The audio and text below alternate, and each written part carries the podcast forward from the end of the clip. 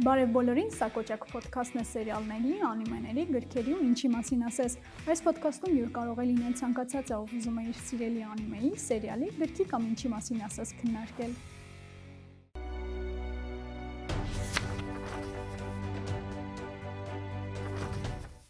Ողջույն, ես Արծվիկն եմ դուք դիտում կամ լսում եք Կոճակ ոդքասթը։ Հակաուտոպիստական գրականությունը կարծում եմ գրեթե բոլորիս է ծանոթ։ Այն իր վերելքին հասել է 20-րդ դարին։ Թերևս այդ թվականներին են գրվել լավագույն գործերը, որից մեկի Ջորջ Օրուելի 1984-ը մենք այսօր կքննարկենք։ Եվ այսօր իմ հյուրերն են Հրայր Խաչատրյանը, Տաթև Սերդերյանը եւ Լևոն Հովանեսյանը։ Նշեցի, որ 20-րդ դարում իսկապես շատ-շատ գրվեցին հակաուտոպիստական գրականություն, նույն Զեմյատինի մենք 451 Ֆարենհայթը ու ինչի համար է ընդհանրապես հենց այդ դարում շատ սկսեցին գրել։ Ну, ես կարծում եմ դա ավելի շատ կապված է նրա հետ, որ տեխնիկական մեծ պրոգրես էր գնում, պլյուս դրան արդեն, ասենց ասած, մշակութային հեղափոխություններ տեղի ունենում 20-րդ դարում մի դար, որտեղ սոցիալական կատակլիզմները ավելի արագ էին տեղի ունենում, մի դար, որտեղ եղել է երկու համաշխարհային պատերազմ, մարդը վերաիմաստավորելու կարիք ուներ այն արժեքները, որ ինքը կրում էր եւ ընդհանրապես մարդը այս տիեզերքում ինչ տեղ ունի։ Եվ անտիուտոպիան, այսինքն հակաուտոպիան մի ժանր էր, որը նաև միտված էր դեպի ապագային։ Եվ Եվգենի Զամյացինը հիմք դնելով մենքով հետո սենց ասած ճանապարհ բացեց Ջորջ Օրվելի, Օլդոս Խաքսլու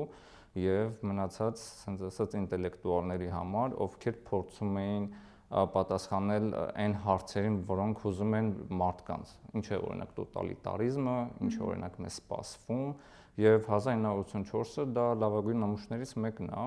որտեղ Winston Smith-ի, ասենց ասած, կերպարը շատ հետաքրքիր կերպով նաեւ ցույց է տալիս, թե տոտալիտար ռեժիմը ինչպես է փորձում պայքարել անհատի դեմ ինչպես է փորձում սپانել անհատականությունը, սարքել սովորական ինչ որ մի հատ կերպար, ով հնազանդ է, ով նախաձեռնող չի, ով չունի իր արժեքները, այլ գրում է հենց իր պարտադրած արժեքները։ Եվ ես կարծում եմ դա մեր օրերում էլ ակտուալ, թեպուս կարող մեխանիզմները մի քիչ փոխվել են, բայց տվել տենդենսը կա։ Հա, մենք իրականում այսօր ապրում ենք հայկոուտոպիայի մեջ։ Հա Ես անկեղծ ասած, այս ամեն ինչին չհակասելով, կասեի էլի նույն հարցի որպես պատասխան, թե ինչի 20-րդ դարում մասնավորապես անտիուտոպիան մեծ հաջողության հասավ, իհարկե այդ բոլոր նշված պատճառները նույնպես, բայց կարծում եմ մասնավորապես հաշվի առնելով, որ անտիուտոպիան շատ տարածված է դե ավելի արևմտյան գրականության մեջ դրա ամենամեծ դրթող ուժը հենց կոմունիստական ռեժիմներ եւ սովետական միությունը եւ քանի որ ինձ թվում է 20-րդ դարում շատ-շատերին ամենաշատ հուզող եւ երկրներից եւ երևույթներից մեկը հենց սովետական միություններ, թե քաղաքական նպատակներով, թե ուղղակի մարդկանց հուզող հարցերից ելնելով ինձ թվում է նաև դա էր դրթապաճառ, թե ինչի 20-րդ դարում անտիուտոպիան շատ տարածված էր ու մեծ հաջողության հասավ։ Լավ, ինձ հետաքրքիր է ամեն դեպքում մեծ եղբայրը որպես որպես այդպիսի կերպար մարդ որպես գոյություն ուներ ամեն դեպքում թե ոչ։ Օրինակ եթե մենք խոսում ենք, որ ԽՍՀՄ-ի հետ էր կապված եւ այլն, մենք ունեինք Լենին որպես մարդ։ Կար արդյոք մեծ եղբայր ինքը գոյություն ուներ, թե հավաքական կերպար էր ստեղծված։ Երկու դեպքում կարող ենք նշել, որ կար, բայց ես կարծում եմ, այստեղ Օրպլը մեծ եղբայր ասելով մենք չհավաքական կերպար նաեւ նկատի ուներ։ mm -hmm ճիշտ է, մենք հիմա կարող ենք Ստալինին որպես օրինակ բերել նույն լատինոամերիկյան դիկտատորներից մեկին Ավգուստո Պինոչետին բերել կամ չգիտեմ, այլ մեկ ուրիշ դիկտատորի, բայց նաև իմ կարծիքով հենց այդ ավակ եղբորներում ինքը նաև նկատի ուներ այն մեխանիզմները, այն մարդկանց կամ այն կառույցը, որը կոնկրետ զբաղված է այն գործունեությամբ, որ เป զի ճնշի անհատին Այսինքն իր շահերին ծառայեցնի։ Չէ՞ որ հենց Winston Smith-ը ինքը առանձին օրագիր էր պահում, ինքը կասկածներ ուներ, սկեպտիկ էր վերաբերվում այն կուսակցական լոզունգներին, որի մեջ որ ինքը հենց կար, եւ նաեւ ինքը մտածում էր որ Օբրայենը ինքը հատուկ սենց թակնված հեղափոխական է ինչն է հետաքրքիր որ Օբրայենը կարողանում է դա հрамցնի հենց Winston Smith-ին այսինքն Օբրայենը ամեն դեպքում հավատարիմ էր մեծ եղբորը ու ամենը ինքը ստում էր այո չէ որ վերջում հենց այդ սիրո նախարարությունում Օբրայնը զբաղվեց Ուինստոն Սմիթով։ Դե բայց օրինակ ես կարծում եի, որ շատ հնարավոր է, որ Օբրայնը ճուզելով է այդ ամենը անում, որովհետև պարտադրված։ Հա, Ну, կարա լինի տարբերակ, բայց ես կարծում եմ նաև Ջորջ Օրվելը ուզում էր ցույց տալ, որ կուսակցության մեջ կան կերպարներ, ովքեր sense շատ ուժեղ լրտեսներ են եւ երբ որ զգում են որոշակի այլ ազդակներ, իրենք կարողանում են մտնոլորտ ստեղծեն, որպեսզի դիմացինը արդեն բացվի եւ արդեն խաղակարտերը բացելու դեպքում ինքը սկսի արդեն իր sense ասած արշավը դեպի այդ մարդու հանդեպ ու փորձի sense ասած համոզի հակառակ ուղությամբ շարժվելու։ Ինչը մենք տեսանք վերջում, որ Winston Smith-ը ի վերջո նաև ուրացավ իր ամենագլխավոր արժեքը սերը Ջուլիային եւ Ջորջ Օրվելը ես կարծում եմ ինչքան էլ սա sense ասած հակաուտոպիական գործ է նաև սիրո բաղադրիչի հարցն է շատ կարեւոր որ սերը միակ այն զգացմունքը, միակ այն մարդկային բանն է, որ մյուս մարդու հետ կապում է եւ դա անհատական է, դա էլ են փորձում ոչնչացնել։ Ուրանալից հետո դու ինքդ մահանում ես լրիվ։ Այո, դու մահանում ես եւ Օրվելը հենց դրա մասին խոսում է, կարծում եմ։ Ո ոչ միայն 1984-ում անասնաֆերմում հա ճիշտ է մի քիչ այլ ուղղությամբ է տանում, բայց իրոք շարունակություն է։ Հա։ Իսկ այդ դեպքում օրինակ Goldstein-ի կերպարը, ըհը ինքը ստեղծված էր ամեն դեպքում, թե չէ, որովհետև երբ որ ես կարդում էի, ինձ մոտ այսպեսի պատկերացում էր, եթե իրենք կարող են ամեն ինչ փոխել, իրենք պատմությունը փոխում են, իրենք սուտը կարողանում են դարձնել ճիշտ, ո՞րն էր պատճառը, որ իրենք Goldstein-ի մասին ոչ մի բան չէին ջնջում որովհետև կարծում եմ միշտ համակարգին պետքա բացական կերպար, այսինքն ամեն ինչ եւ կրոնը եւ քաղաքականությունը ամեն ինչ կառուցված է սպիտակի ու սևի համատության վրա։ Կրոնը չի կարող լինի առանց Աստված եւ Սատանա, պոլիտիկան չի կարող լինել առանց դրական կերպարի, այսինքն համապատասխան երկրի իշխանավորի կամ դիկտատորի եւ Գիտլերի։ Եվ այդ հակադրվող կերպարը ոնց որ միշտ ավելի ամրապնդում է սերը ու հավատը այդ ճակերտավոր դրական կերպարի հանդեպ։ Լուրջ համաձայն եմ։ Պետք է ինչ-որ մի բացասական կերպար, որի դեմ պետքա պայքարել։ Ոնց որ նաև ուզում էին ցանկացած դեպք, երբ որ իրենք ինչ-որ բան ստում էին, իրենք այդ գցում էին Goldstein-ի վրա, որ Goldstein-ն է այսպես արել, հա, այս սխալը հանել ու իրենց ինչ որ մեկը պետք էր նայել, որ իրեն գցեն այդ մարդու վրա այդ սխալը։ Իրականում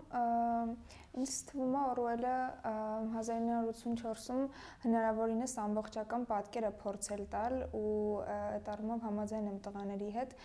բոլոր արժեքներին փորձել է անդրադառնալ, բոլոր կերպարներին ներգրավել է ու հիմնականում եթե նայում ենք թե մեծ եղբոր դեպքում էլ կոնկրետ անձնավորում չկա ու ինքը ոչ միայն որպես հա նրան անդրադառնում է որպես անձ, կոնկրետ անձ, որպես դիկտատորի, այլ կարծում եմ այդ հավաքական նաև այդ գործիքակազմն է, այսինքն ինքը մի անձ չի, այդ մեծ եղբայրը, որը կա նաև մեր օրերում, ինքը մի մարդ չի, մի անձ չի, ինքը այն գործիքակազմն է, որը ազդում է հասարակության վրա, որը այս պահին կա մեր մեջ, ազդում է մեր վրա ու մենք մենք նույնպես առանց առանց շատ խորանալու, առանց շատ գիտակցելու դառնում ենք այդ միահավասար, միանման հասարակությունը, այդ կարող է լինել, չգիտեմ, հերեկրանները մեր բջջայինների տեսքով կարող է լինել այն նորալեզուն, որ մեր լեքսիկոնում է արդեն հայտնվել կամ փոխել է որոշ իմաստներ, բառերի իմաստներ մեր լեքսիկոնում ու այդպեսով անդրադարձել է, որ ամեն ինչին անդրադարձել է, ինչը որ շարունակելու էր գոյություն ունենալ։ Հետաքրքրական է, որ Չարինգտոնի այդ հին իրերի խանութը ես նաև ասոցացնում կորսված դրախտի հետ, որովհետև իրականում դա մի տարածք էր, որտեղ Ջուլիան ու Ուինստոնը սենց կարողանում էին առանձնանալ, բայց փաստորեն բարձում է, որ դա էլ վերահսկողության տեղ է եւ Չարինգթոնը ինքը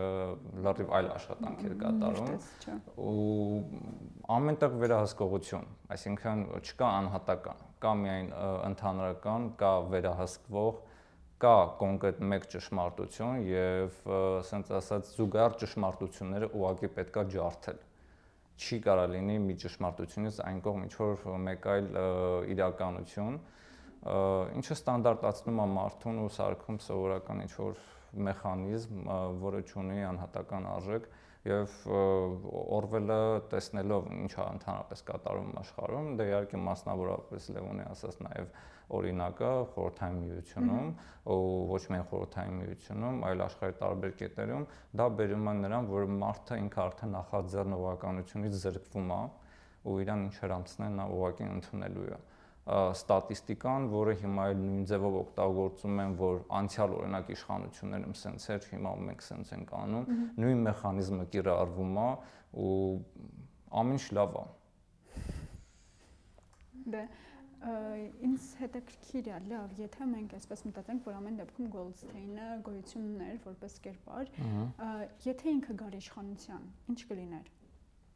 Goldstein-ը։ Հա Եթե ամեն դեպքում ստացվեր անել հեղափոխություն, մեծ եղբորը տապալեին ու Goldstein-ը գար, արդյոք չէր լինի այն նույնը, ինչը որ կար։ Անասնաֆերմայի օրինակը կարծում եմ կլիներ, ինչը որ Նապոլեոնի խոզերի դեպքում տեղի ունեցավ, խոզերի էլիտան, որը որոշեց պետք է ապստամբի եւ այն հիմնը անգլիական գազաների հիմնով իրանք սկսեցին հեղաշրջում իրականացնել մարդկանց ուղակի քշեցին բայց վերջում իրանք մարդկանց հետ էին հետ հետագայում տալիս առնում ու ասենք բռնում ձնագնդին կոպիտ ասած լարում են, քանի որ ձնագնդին մի քիչ այլ տեսանկյունից էր ամեն ինչ նայում, Նապոլեոնը որոշում է, որ իրան պետք է արդեն չեզոքացնել, որպեսզի ինքը իր դիկտատուրան հաստատի, որը լրիվ մեր իրականությանը չի հակասում, այլ կասեի փոխլերացնում է։ Իրականում Օրուելը Օրուելից հենց 1904-ից մի հատված այս պահին տենց եկավ մտքից, որ իրականությունը գոյություն ունի ոչ միտեղ, բացի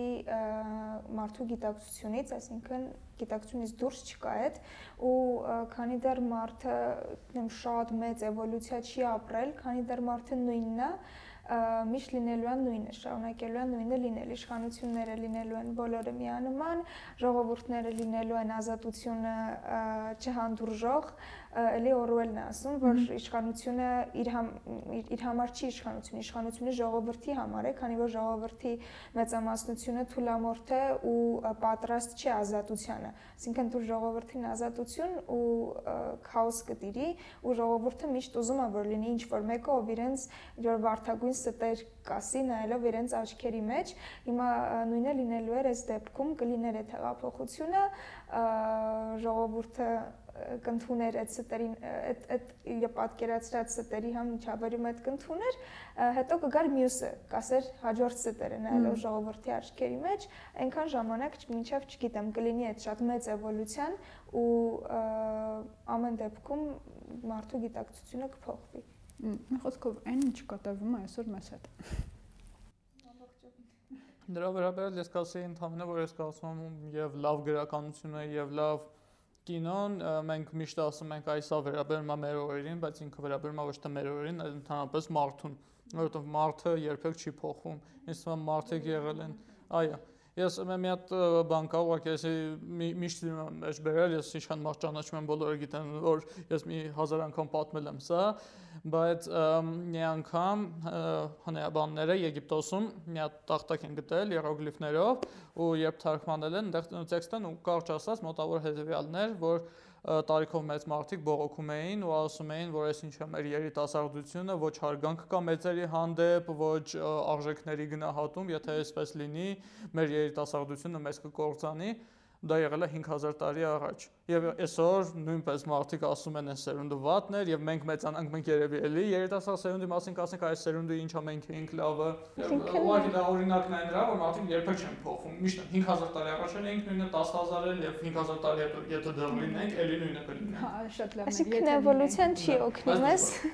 չի փրկի։ Էվոլյուցիան մեր գիտակցության վրա չի ազդում երևի թե միայն ֆիզիկականի վրա։ Որ ասեցիր, ես հիշեցի, որ երբ Winston-ը գնում ու փորձում է ձեր մարդուց ամեն դեպքում իմանալ առաջ էր լավ թե հիմա է լավ, ինքը ինչքան էլ փորձեր, ինքը օբյեկտիվ պատասխան չէր գտնելու։ Այդ նույնն է, երբ որ մենք հիմա մեր պապիկներին հարցնենք, արդյոք ԽՍՀՄ տարիներին լավ էր, իրենք ասելու են հա լավ էր, որովհետև այդ իրենց երիտասարդության տարիներն են եղել, այսպես ասած իրենց ծաղկման տարիներն են եղել ու իրենք բնականաբար հետ են ընտրելու ինքը ինչքան էլ ուզեր չէր կարողանա օբյեկտիվ ինչ որ պատասխան ստանալ արդյոք այն ժամանակ էր լավ թե հիմա էր լավ Ինչպես է մենք չենք կարող օբյեկտիվ պատասխան ստանալ սովետի ժամանակի լավ, թե հիմա Դե, լավ։ Այո։ Իրականում երևի լավա մարդու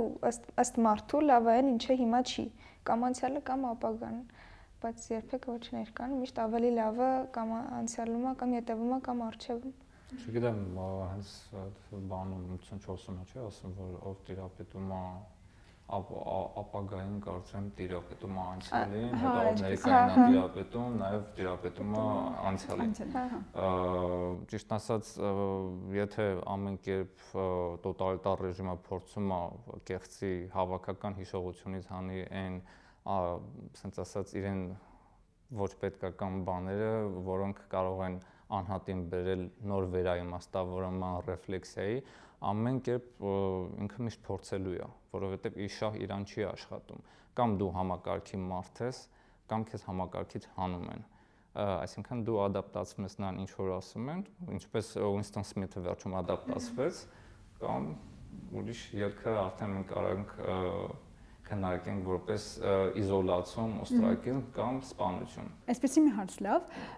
մենք մեծանում ենք, մենք սովորում ենք հասարակությունից ու Winston-ը ապրում էր այնպեսի հասարակարգի մեջ, որպեսին կար, բայց ինքը ամեն դեպքում ուրիշ էր, որտեղից էր եկել իր մեջ ուրիշ լինելու որտեղից էր եկել իր մեջ ուրիշ լինելը, հա? Այսինքն ինքը որտեղից գիտեր, որ ինքը չի սիրում, եթե իրեն շուրջ բոլորը ասում են, որ պետք է սիրել, շուրջ բոլորը ցույց են տալիս, որ պետք է սիրեն, օրինակ մեծ եղբորը։ Ինքը այնտեղ ասում է, չէ, խոսք կա, որ ես հիշում եմ, միթե մյուսները չեն հիշում ու իրոք շատ ուրիշներ աշխատում էին այդ ստերը քողարկելով ու նորը դարձնելով, արդյոք մյուսները չէին հիշում այդ ամենը։ Իրականում այդ մեր հասարակության գոյության ամենակարևոր նախապայմաններից մեկն է ու ինչի համար էլ որ գոյություն ուներ մեծ եղբայր, ինչի համար էլ որ գոյություն ունեն այդ համակարգերը հասարակությունում միշտ ինձ թվում է այդ ուղղակի այդ միշտ գոյություն ունի, գոյություն ունեն շերտերը, գոյություն ունեն միշտ տեսնող տեսնողները եւ նկատողները եւ չնկատողները կան, չգիտեմ, միշտ կան կողմ եւ դեմ այդ կողմերը, հատվածները ու իրանք ուղակի կան, որ այդ բալանսը պայն հասարակության մեջ կան ուժեղները եւ թույլերը, եթե բոլորը լինեին միահավասար գիտակից հասկացող կամ բոլորը լինեին ուժեղ այդ այդ այդ գոյության կռիվը չլիներ, ուղղակի հասարակություն գոյություն չեր ունենա ու Winston-ը բնականաբար միակը չէր այդտեղ ու Winston-ը ու Ջուլիան միակ պատիժ կրողները չէին վստահաբար իրեն իրենց նման շատերը էլի եղել են, իրենց պատիժը կրել են ու դարձել են մյուսների նման բայց կարծում եմ իրանք այդ փոքրամասնությունն էին, բայց պիտի գոյություն ունենային, այլ կերպ չէր կարող ուղղակի այդ համաչափությունը լինել հասարակության։ Դա համաձայն եմ այն առումով, ինչպես կասեր Ժակ Լականը, ուրիշը դա քո անգիտակցականն է, երբ որ մենք ծնվում ենք, մենք ուղղակի մաքուր գրատախտակ ենք եւ մեզ այն ինչ որ հрамցնում են, են մենք միանգամից վերցնում ենք առանց ինչ որ ասենց ասած ռեֆլեքսիայի ենթարկելու այնուհետև տարիների ընթացքում երբ որ մեծանում ենք մեր մոտ նաև առաջանում է սկեպտիցիզմը ու մենք փորձում ենք անընդհատ վերլուծության միջոցով գտնել այն ոսկե միջինը, որը մեր համար կարող է, ասենց ասած, ոնց ասեմ, ինչ որ փրկություն լինել ու երբ որ մեր մենք անընդհատ sense վերլուծում վերլուծում ենք հասկանում ենք որ կան մեխանիզմներ որոնք ոչ թե ի բարօրություն մեզ են աշխատում այլ ի բարօրություն ինչ որ մի ուրիշի բայց թե այդ ուրիշը ինչքանով է ավելի շատ քեզ տանում դեպի զարգացման կամ ռեգրեսի, դա դու ինքդ պետքա գտնես։ Իմ կարծիքով Winston Smith-ը հենց այդ ճանապարհին էր, բայց որը վերջում, ասենց ասած, ձախողեց ու չգիտեմ Ջորջ Օրվել ուզում է ցույց տալ, որ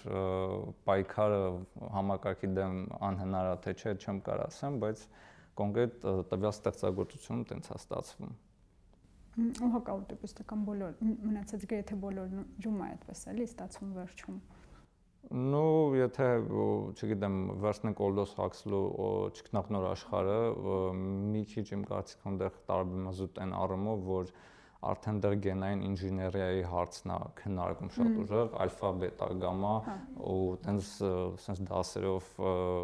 դասակարգում են, այսինքն արդեն գենային մակարդակում որոշում են թե ով ով է ու ինչ ինտելեկտուալ հնարավորություններ պետք է ունենա ու հետագայում ինքը ինչ պետք է անի եւ եթե Ջոնի կերպարը նայենք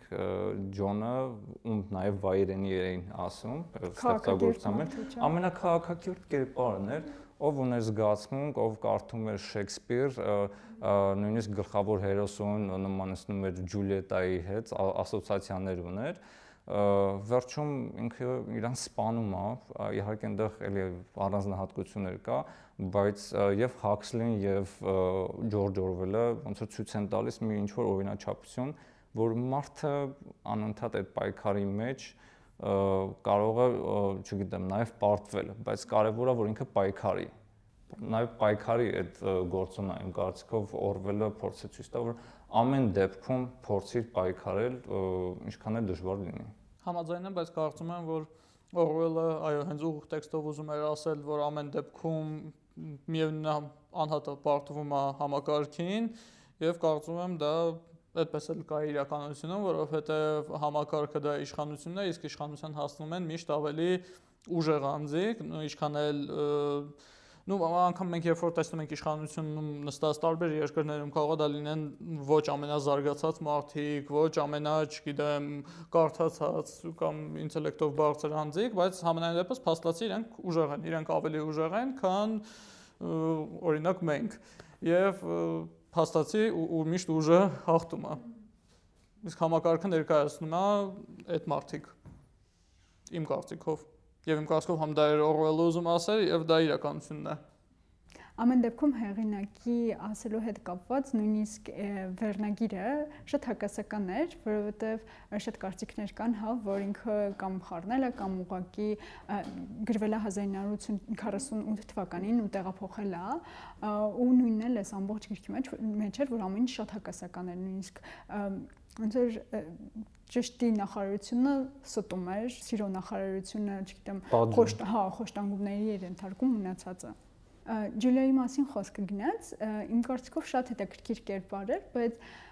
մի տեսակ ձեզ համար տարօրինակ չէր, որ ինքը ուղակի հայտնվում է ու ասում է ես քեզ սիրում եմ։ Այսինքն որտեղից, ինչու։ Ես կարծում եմ ուղղակի այստեղ Ջուլիան, հա, ճիշտ է, ես չեմ ուզի ասենց ասած խտրական վերաբերմունք ցուցաբերեմ, բայց երկրորդային կերպարային առումով, որ այդ սերը ավելի շատ պետք էր հենց Winston Smith-ին, որ เป զի ինքը հետո հետագայում նաև վերլուծի այն ինչ որ իր հետ կատարվում է։ Այսինքն Ջուլիան նույնն են առաջնային պլանում չէր ինչ որ Winston Smith-ը եւ այդ սիրո նամակը որ ուղարկվում է, սիրո խոստովանությունը, ասենց ասած, կարծում եմ հենց ուղակի Winston Smith-ին ասենց ազդակեր, որպեսզի ինքը մի հատ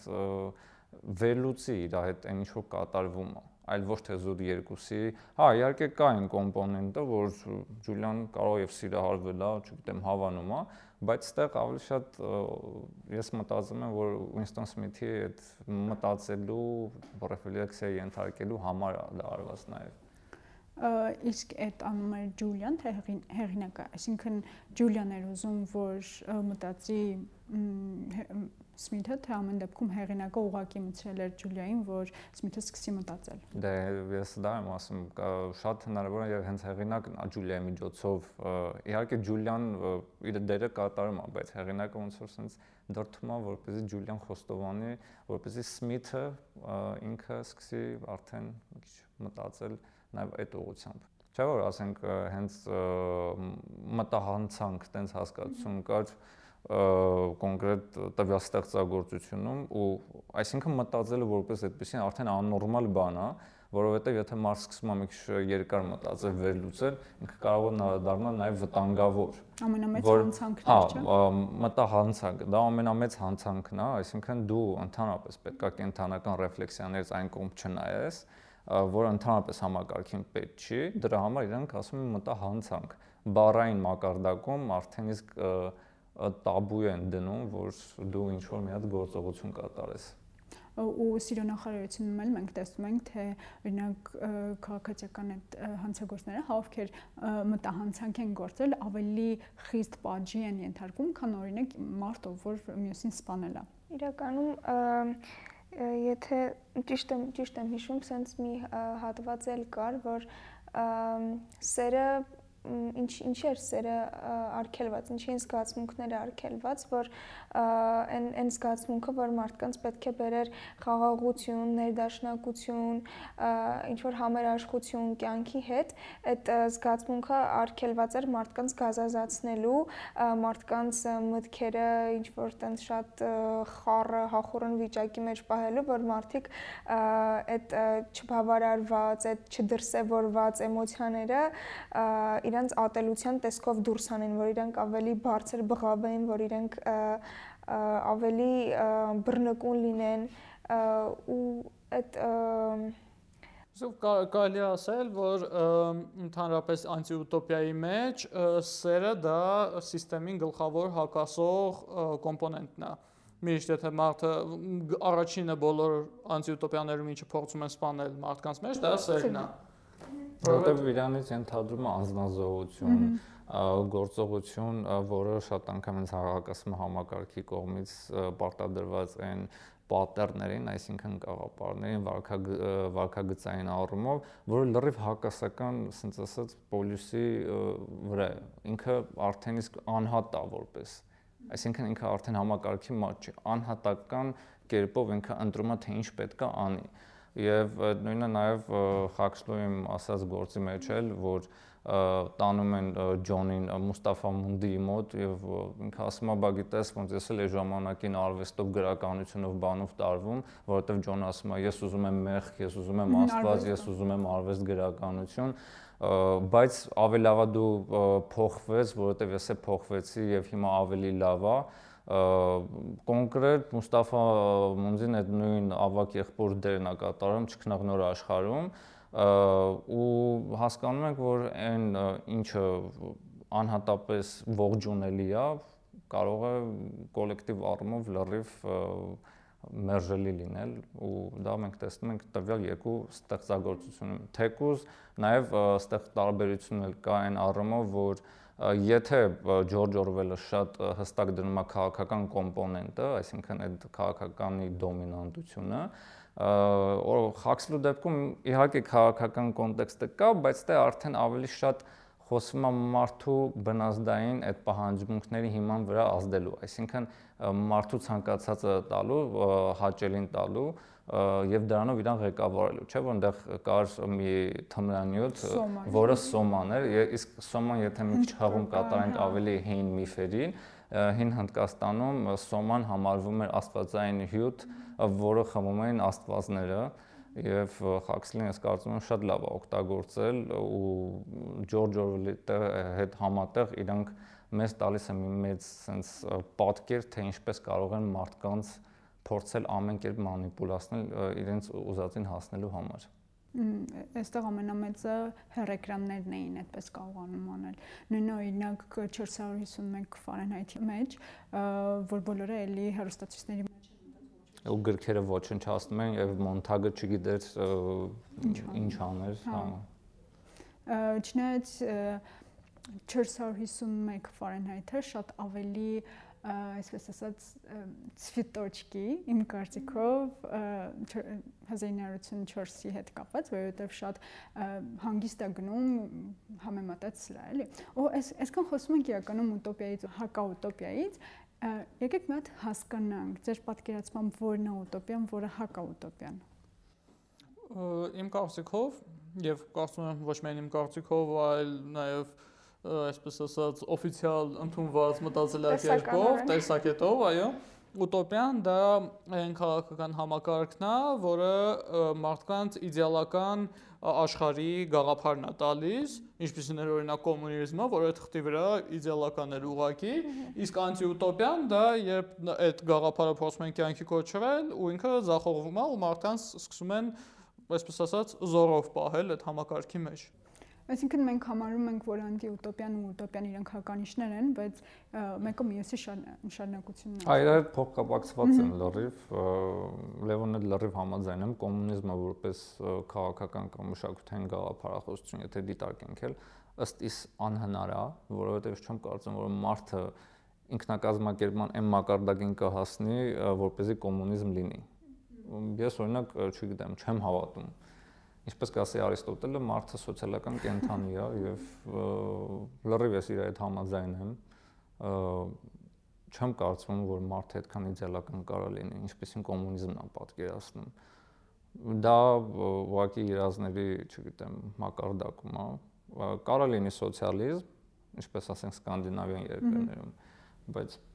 կոմունիզմ ես չեմ պատկերացնում։ Իրականում ես կարծում եմ, որ եթե օրինակ հիմա մեզ ուզեն դարձնել ինչ-որ ուտոպիստական երկիր, չի ստացվի, քանի որ մենք ունենք շատ մեծ հասանելիություն դեպի ինտերնետ, նույնը օրինակ 451 Ֆարենհայթը, երբ որ ուզում էին, երբ որ վառում էին գրքերը, այսինքն այս պահին մենք հասել ենք ինչ-որ մի մակարդակի, որ մենք ցանկացած տեղ ունենք հասանելիություն ու մենք ցանկացած պահի կարող ենք գտնել այն ինչ որ մեզ պետք է։ Չգիտեմ, իմ կարծիքով հասել ենք այնպեսի մի գիտակցական մակարդակի, որ մենք չենք մտնի այդ ուտոպիայի մեջ կամ չենք էլ ուզի, չնայած որ իրոք մենք հիմա հակա ուտոպիայի մեջ ենք ապրում կամ նույն ձևով օրինակ Հյուսեյն Կորեայի օրինակը։ Նո ճիշտ ասած, բայց մենք նաև ուրիշ վտանգ ունենք, խոսքը դեզինֆորմացիայի մասին է։ Դե որովհետև մեզ տենց ղեկավարեն եւ մենք տեսնում ենք մեր իսկ դեպքերից ելնելով 2020 թվականին երբ որ սանձազերծվեց Ադրբեջանի կողմից պատերազմը դեզինֆորմացիա էր լրիվ ու հիմա էլ քաղաքական դեպքերը որ հիմա կատարում են ամբողջ աշխարհում մենք միանշանակ հստակ չենք կարող ասենք թե ինչ վիճակա տիրում ամեն մեկը տարբեր ճամբարից վերցնում իր միֆն է ասում եւ մենք հավատում ենք այնքանով, ինչքանով մեր գիտակցությունն է թույլ տալիս։ Մենք ճիշտ ասած էլի զոհ ենք, բայց այս դեպքում արդեն դեզինֆորմացիայի ու շատ ոնց ասեմ, շատ հստակ հղկված դեզինֆորմացիայի զոհ ենք չենք կարող մենք արտաքին հոսքը ղեկավարել մեր ուզած ձևով, կարող ենք որոշակի մեկնաբանություններ թողնել, կարող ենք որոշակի եզրահանգումների գալ, բայց տվել մանիպուլյացիան աշխատում է ու կաշխատի։ Մանիպուլյացիա ասացի, հիշեցի, թե ինչ տեսակի գազլայթինգի էր ենթարկում Օբրայենը Սմիթին ամբողջ ընթացքում ու ինքը հասավ իր ուզածին, որովհետև այդ մարդը իրոք հասավ խելագարության կամ մտածում էր, որ ինքը խելագար էր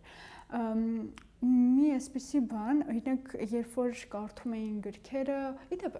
գիրքը լավ, եթե մենք ասում ենք, որ Օբրայենը ամեն դեպքում հավատարիմ էր մեծ եղբորը, այդ դեպքում Գոլստեյնի գիրքը ով էր գրել։ Կարող եւ ինքը գրած լիներ։ Օբրայենը։ Հա, գրած լիներ, որպեսզի համակրություն sense ստանար դիմացինից որպեսզի կարողանար հասկանալ թե դիմացինը արդյոք ինքը նույն ստանդարտի համակարգի մարդա թե իր ասենց ասած գիտակցականում թաքնված է ինչ որ ասենց նաև այլ ծրագիր որը լրիվ հակասում է համակարգի կուսակցության ասենց ասած լոզունգներին եւ դրանով ինքը պահելով իր մոտ ասենց ասած Winston Smith-ին զուգահեռ մի օրագիր կամ մի գրքույկ դրանով ենք փորձում ենք հասկանալ դիմացինը ով է։ Այսօք ինքը համակարգի մարդ է, թե արդեն իր մոտ ինչ որ կասկածներ կան։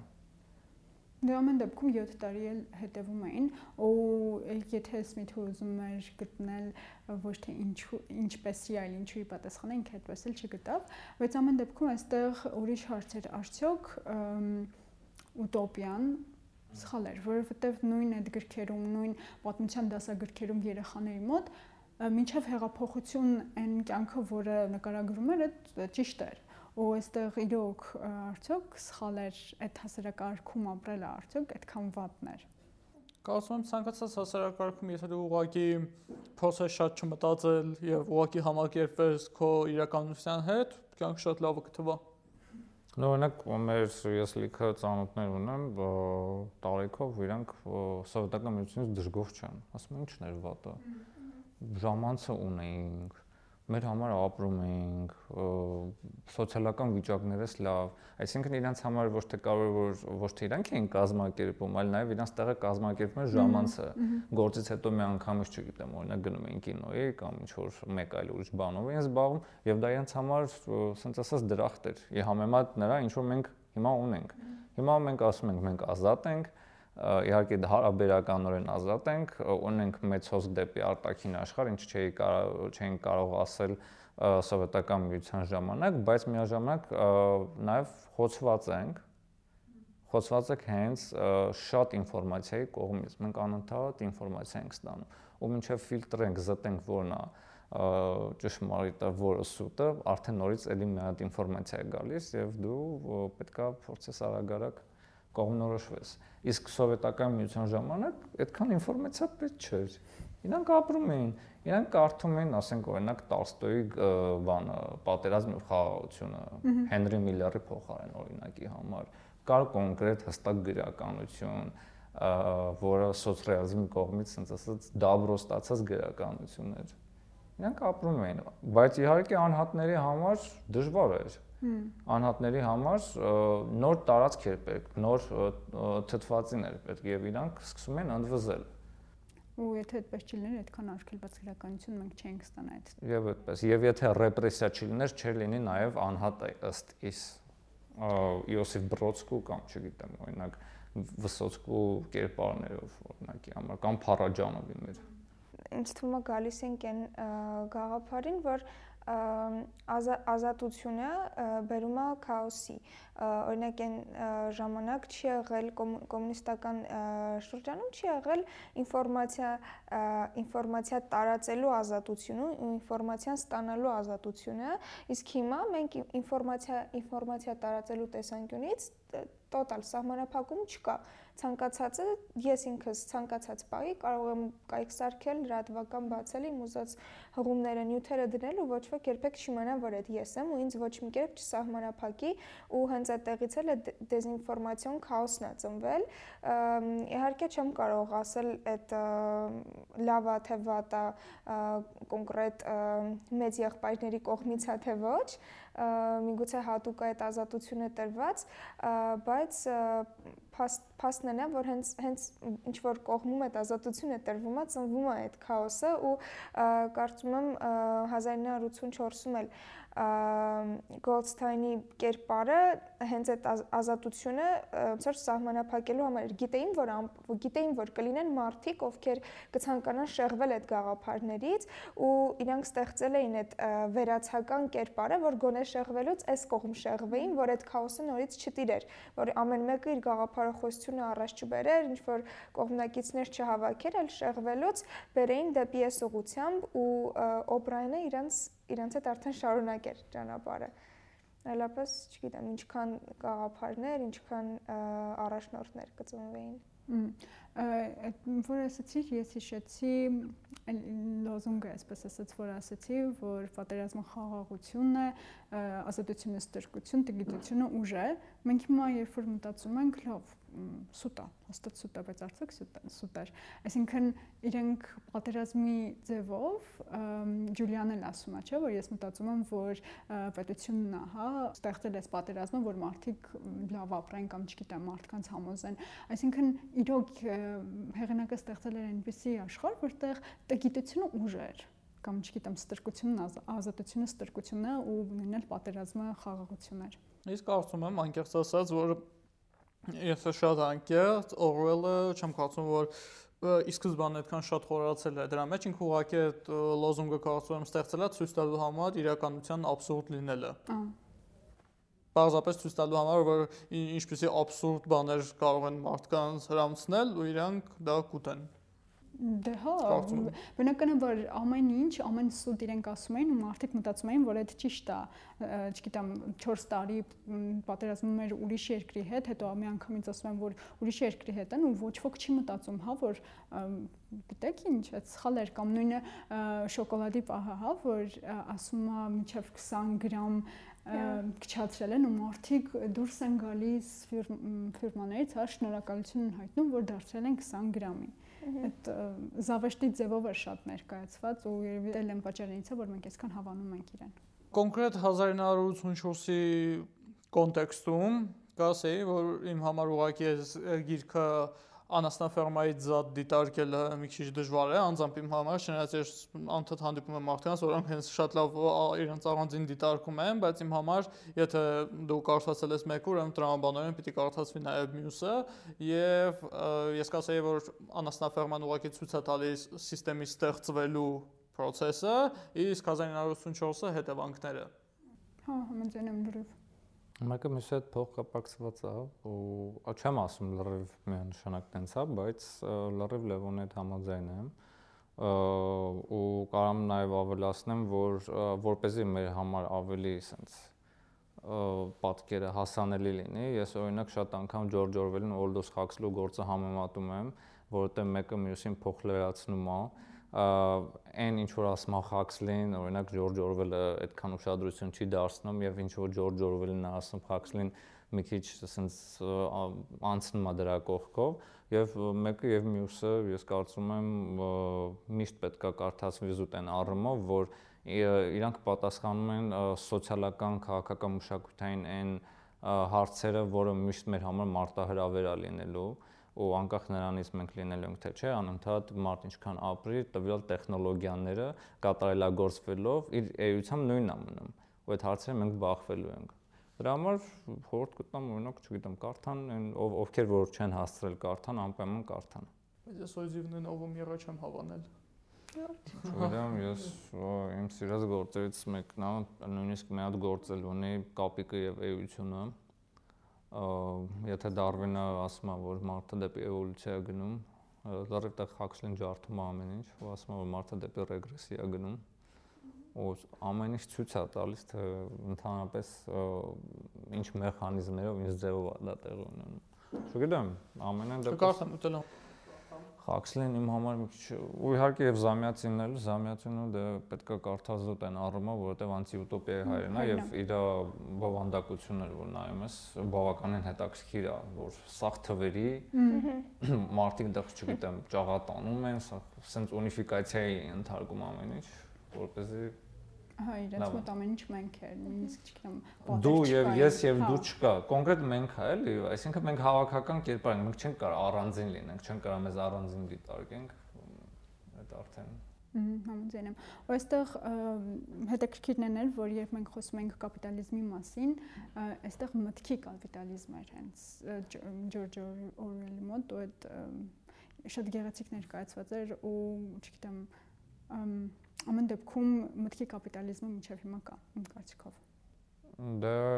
կարա լինի եւ կլինի կարծում եմ բայց քանի որ ինքն էլ կռված մարդեր ինքն էլ էր պատերազմի մասնակցել ես կարծում եմ այդ ամեն ինչը ասենց իր ներսով անցկացնելով ինքը թղթին հանձնել ու այդ ամբողջ պատերազմի абսուրդը, եթե կա մի գաղափար, որ մարդուն ոչնչացնում ու դա արդարացված է, արդեն իսկ իմ կարծիքով абսուրդ է։ Ինքը փորձեց երևի այդ երկու գլխավոր գործերով անասնաֆերմայով 84-ով փոխանցի հանրությանը։ Այն գործքով մենք էլի գործեր կստանայինք, եթե ինքը չմահանար ուղղակի։ Այս շարունակությունը։ Կարծում եմ, հա, կարող լինել, այո։ Վերջ այսքան էր այսօրվա մեր ոդքասթը։ Շնորհակալություն մեզ լսելու եւ դիտելու համար կհանդիպենք հաջորդ անգամ։